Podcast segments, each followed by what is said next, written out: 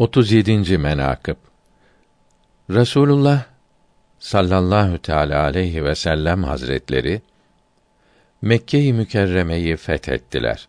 Mekke'de 140 put vardı. 160 put da Beyt-i Şerif'in çevresinde vardı. Tamamı yüz üzerine düştüler, parçalandılar.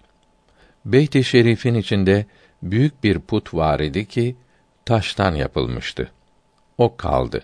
O putun ağırlığı Hayber kapısının ağırlığından çok idi. O putu zincirler ve çiviler ile tavana ve duvara bağlamışlar idi.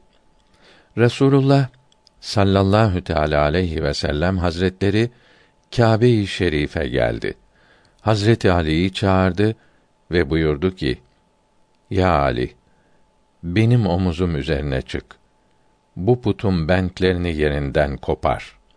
Ali radıyallahu teâlâ an dedi ki, Ya Resûlallah, ben kim olayım ki, ayağımı mübarek omuzunun üzerine koyayım? İşte benim vücudum ve başım, yüzüm ve gözüm. Siz benim omuzum üzerine basınız.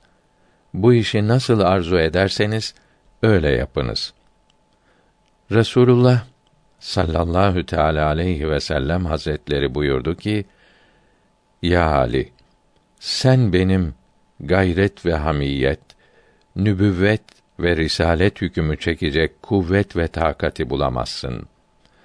Eğer ben gayret ve hamiyet ile ayağımı yedinci göğe koysam, yedi kat gök ve yedi kat yeri ayağımın altında mahvederim.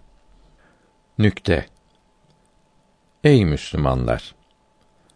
Hadis-i şerifler ile sabit olmuştur ki Ebu Bekr Sıddık radıyallahu teâlâ an hazretleri hicret gecesinde mağarada Resulullah sallallahu teala aleyhi ve sellem hazretlerini bir miktar kendi omuzunda götürmüştür.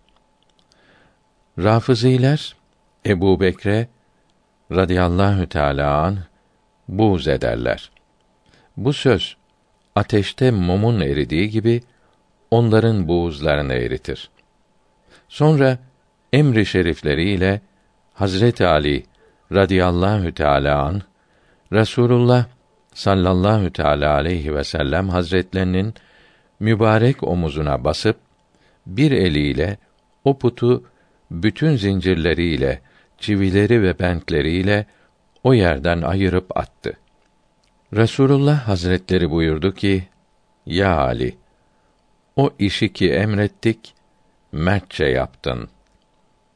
Ali radıyallahu an dedi ki: Ya Resulallah, ben öyle bir yerdeyim ki eğer emrederseniz felek, gök içinden ayı ve güneşi çekerim.''